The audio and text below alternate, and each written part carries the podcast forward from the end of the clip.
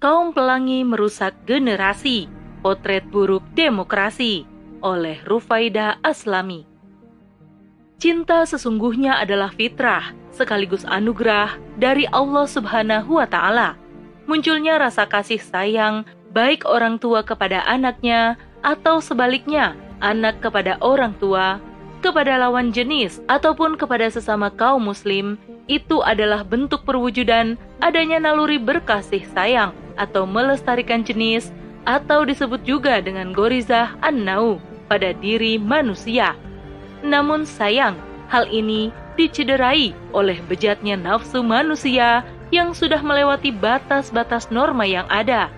Bahkan cinta sesama jenis atau LGBT atau disebut juga sebagai kaum pelangi ini benar-benar sudah meresahkan banyak kalangan, tak terkecuali para orang tua. Seperti yang diberitakan akhir-akhir ini, pada harian Republika, disebutkan ada seorang penyuka sesama jenis melecehkan sebanyak 14 orang anak laki-laki di Tarakan, Kalimantan Utara. Dan ada juga berita viral dua remaja penyuka sesama jenis di Banjarnegara yang mempertontonkan video tak senonoh di sawah yang dibagikan di media sosial Facebook dan Instagram pada laman tv1news.com. Kasus-kasus semacam ini sudah banyak berseliweran di hadapan kita.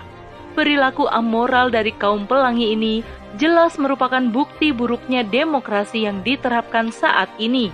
Mereka akan tetap eksis selama ideologi sekuler kapitalis dan demokrasi yang menjadi turunannya diterapkan atas nama hak asasi manusia dan kebebasan berekspresi. Perilaku ini bak racun berbalut madu yang mampu melenakan generasi di negeri ini, termasuk para petingginya. Mereka akan terus berkilah dan menjadikannya sebagai pembenaran. Bahkan ada upaya melegitimasi perilaku menyimpang ini, padahal bukankah Allah Subhanahu wa taala sudah memberikan pelajaran dalam Quran surat Ar-Rum ayat 21. Dan di antara tanda-tanda kekuasaannya ialah Dia menciptakan istri-istri untukmu dari jenismu sendiri, agar kamu cenderung dan merasa tentram kepadanya, dan dia menjadikan di antaramu rasa kasih dan sayang. Sungguh, pada yang demikian itu, benar-benar terdapat tanda-tanda kebesaran Allah bagi kaum yang berpikir. Betul sekali bahwa Allah menciptakan segala sesuatu itu berpasang-pasangan.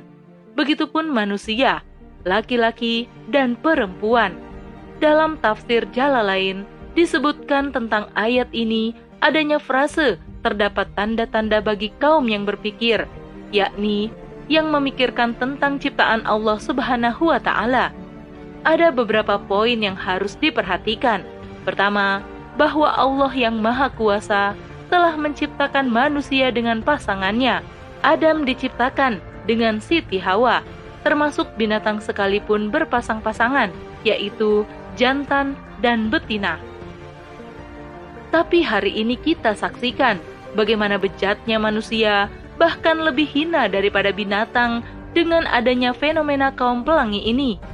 Kedua, bahwasanya ayat ini mengajak kita untuk berpikir Allah Subhanahu wa taala menjadikan berpasang-pasangannya manusia, kemudian menjadikan adanya rasa kasih dan sayang di antara keduanya adalah dengan maksud untuk melestarikan keturunan, bukan yang lainnya, namun tetap dalam koridor syariat, yakni lewat pernikahan saja. Aturan Islam tidak membebaskan atau bahkan meniadakan, seperti halnya dalam sistem kapitalis ataupun komunis, tapi mengaturnya agar sesuai fitrah sehingga tidak tumbuh subur perilaku menyimpang seksual seperti ini dalam ayat lain, yaitu Quran Surat An-Nisa ayat 1 dan 2, bahwasanya Allah telah mengingatkan kita, Hai sekalian manusia, bertakwalah kepada Tuhanmu yang telah menciptakan kamu dari seorang diri dan daripadanya Allah menciptakan istrinya dan daripada keduanya Allah memperkembangbiakan laki-laki dan perempuan yang banyak kampanye LGBT dengan mempromosikannya ke tengah-tengah masyarakat tidak bisa kita biarkan. semua harus sadar bahaya dari penyimpangan seksual ini. Bahkan, Islam sendiri memandang hal ini bukan sekadar penyimpangan seksual, tapi ini adalah bentuk pelanggaran syariat. Para pelakunya harus dihukum dengan ganjaran yang setimpal. Jadi, tidak ada toleransi pelaku tersebut bagi seorang Muslim. Sudah begitu masifnya upaya mereka, mulai dari media sosial hingga produk rumahan, komik, film, ataupun mainan anak-anak juga tak ketinggalan. Inilah wujud rusaknya sistem demokrasi sekuler yang kapitalistik, serba bebas, dalam berperilaku dan tak memedulikan lagi aturan Allah. Kasus asusila ini kian marak terjadi. Terlebih, sudah ada tokoh-tokoh pendukung LGBT. Mereka memang disokong oleh kekuatan politik dan kekuatan dana, sehingga bisa tetap eksis dan dianggap biasa ada di tengah-tengah masyarakat. Hal yang tak kalah mengerikan adalah di beberapa negara pernikahan sesama jenis sudah dilegalkan. Sebut saja Amerika, Taiwan, ataupun Thailand. Jangan sampai Indonesia ikut-ikutan latah, terlebih pada perbuatan maksiat seperti ini. Pada beberapa tahun yang lalu, dikutip dari bbcnews.com, Ketua MPR Zulkifli Hasan mengatakan bahwa ada lima fraksi yang mendukung legalisasi LGBT dan pernikahan sesama jenis. Apakah kita ingin mengundang murkanya Allah? Nauzubillah, summa nauzubillah. Allah Subhanahu wa taala memperingatkan dalam salah satu hadis yang diriwayatkan dari Ibnu Abbas radhiyallahu anhu. Rasulullah Shallallahu alaihi wasallam bersabda, "Apabila telah marak perzinaan dan praktik ribawi di suatu negeri atau suatu kampung atau wilayah, maka sungguh penduduk negeri tersebut telah menghalalkan diri mereka untuk diazab oleh Allah. Hadis riwayat Al-Hakim. Sekelompok kecil psikoterapis berpikir bahwa homoseksualitas adalah sebuah penyakit mental yang membuat orang-orang menyukai sesama jenis. Sehingga mereka memiliki misi khusus untuk menyembuhkan mereka yang menderita dengan sebuah terapi pembalikan. Tujuannya untuk membantu para gay dan lesbian untuk mengubah orientasi seksual mereka dari homoseksual menjadi heteroseksual. Adapun terapi pembalikan ini menggunakan metode penyiksaan seperti kejut listrik atau memberi mereka obat perangsang mual sambil menunjukkan mereka gambar porno sesama jenis agar mereka bisa mengaitkan homoseksualitas dengan trauma pengalaman yang tidak menyenangkan. Bisa juga dengan bentuk penyiksaan-penyiksaan lainnya, Metode lain termasuk psikoanalisis atau terapi bicara dan perawatan estrogen untuk mengurangi libido pada pria. Terapi pembalikan dilakukan katanya agar gay bisa disembuhkan termasuk upaya penyiksaan. Tetapi ternyata terapi ini banyak ditolak terutama oleh mereka para pengusung LGBT. Maka tidak aneh para pengusung LGBT sangat berhasrat untuk melegitimasi keberadaan mereka dan mendapat perlindungan dari PBB seperti yang dilakukan National Center for Lesbian Rights atau NCLR. Mereka telah mengajukan proposal kepada PBB dan menyegerakan keputusannya.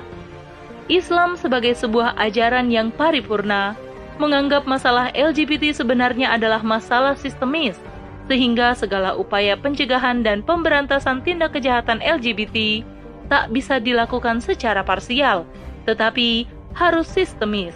Maka, peran negara sangatlah penting. Berharap pada sistem kapitalis sekuler yang meniadakan agama dari kehidupan tentu sangat mustahil. Islam menjelaskan bahwa proses penciptaan, baik laki-laki dan perempuan, adalah untuk kelangsungan jenis manusia dengan segala martabatnya. Sebagaimana ditegaskan oleh Allah Subhanahu wa taala dalam Al-Quran surat An-Nisa ayat 1.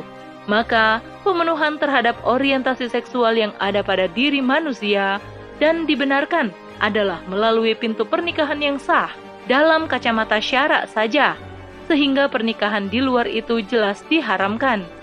Inilah potret buruk dari penerapan sistem demokrasi yang kian merusak. LGBT, apa pun bentuknya, semua adalah perilaku seks yang menyimpang dan tidak bisa dipandang sebagai sesuatu yang normal, melainkan perilaku kejahatan semata. Selain menjadi ancaman bagi keberlangsungan hidup manusia, LGBT telah nyata menyebabkan lahirnya penyakit-penyakit menular seksual, baik itu sipilis, HIV/AIDS, dan penyakit menular seks lainnya hingga kanker sarkoma Kaposi. Sehingga tidak boleh dilindungi dan diberikan ruang dengan dalih apa pun, seperti sabda Rasulullah Shallallahu Alaihi Wasallam, dilaknat orang yang melakukan perbuatan kaum Lut. Hadis riwayat At-Tirmizi dan Ahmad dari Ibnu Abbas. Islam sebagai sebuah sistem kehidupan akan menjadikan negara menjalankan peran dan fungsinya sebaik mungkin dan memberlakukan hukum syarak secara tegas dan menghukum siapa saja yang berani melanggarnya termasuk pelaku LGBT. Setiap individu warganya akan didorong untuk mempelajari akidah Islam dan membangun ketakwaan kepada Allah Subhanahu wa taala. Dengan keimanan yang kokoh dan ketakwaan tadi maka mereka akan mampu membentengi diri mereka dari sikap ide liberal yang diusung para pemuja demokrasi ini. Kemudian dari sisi negara, maka negara berkewajiban menanamkan ajaran Islam, budaya, dan pemikiran yang islami di setiap warganya, termasuk diterapkannya sistem pendidikan yang islami. Negara akan menutup semua situs-situs porno aksi dan pornografi di tengah masyarakat, sehingga generasi muda akan terjaga dan terhindar dari media-media yang bisa merusak moralnya. Hal terakhir dan tak kalah penting adalah negara akan memberikan sanksi yang tegas dan keras terhadap pelaku kejahatan LGBT sesuai syariat Islam. Sanksi yang diberikan disaksikan langsung oleh masyarakat, sehingga akan membuat jerah para pelaku tindak kriminal tadi dan mencegah masyarakat lainnya untuk melakukan kejahatan serupa inilah fungsi jawazir dan jawabir dalam pelaksanaan hukum Islam. Menurut syariat Islam, hukuman bagi LGBT adalah dijatuhkan dari gedung atau jurang yang tinggi hingga mati. Maka, dengan begitu, LGBT akan mampu dicegah dan dihentikan. Tentu hanya dengan sistem Islam. Inilah bukti bahwa asas berpikir dan penerapan syariat Islam berakal dan sangat jauh dari prinsip liberal serta akan menjadikan manusia hidup mulia serta bermartabat. Wallahu a'lam bishawab.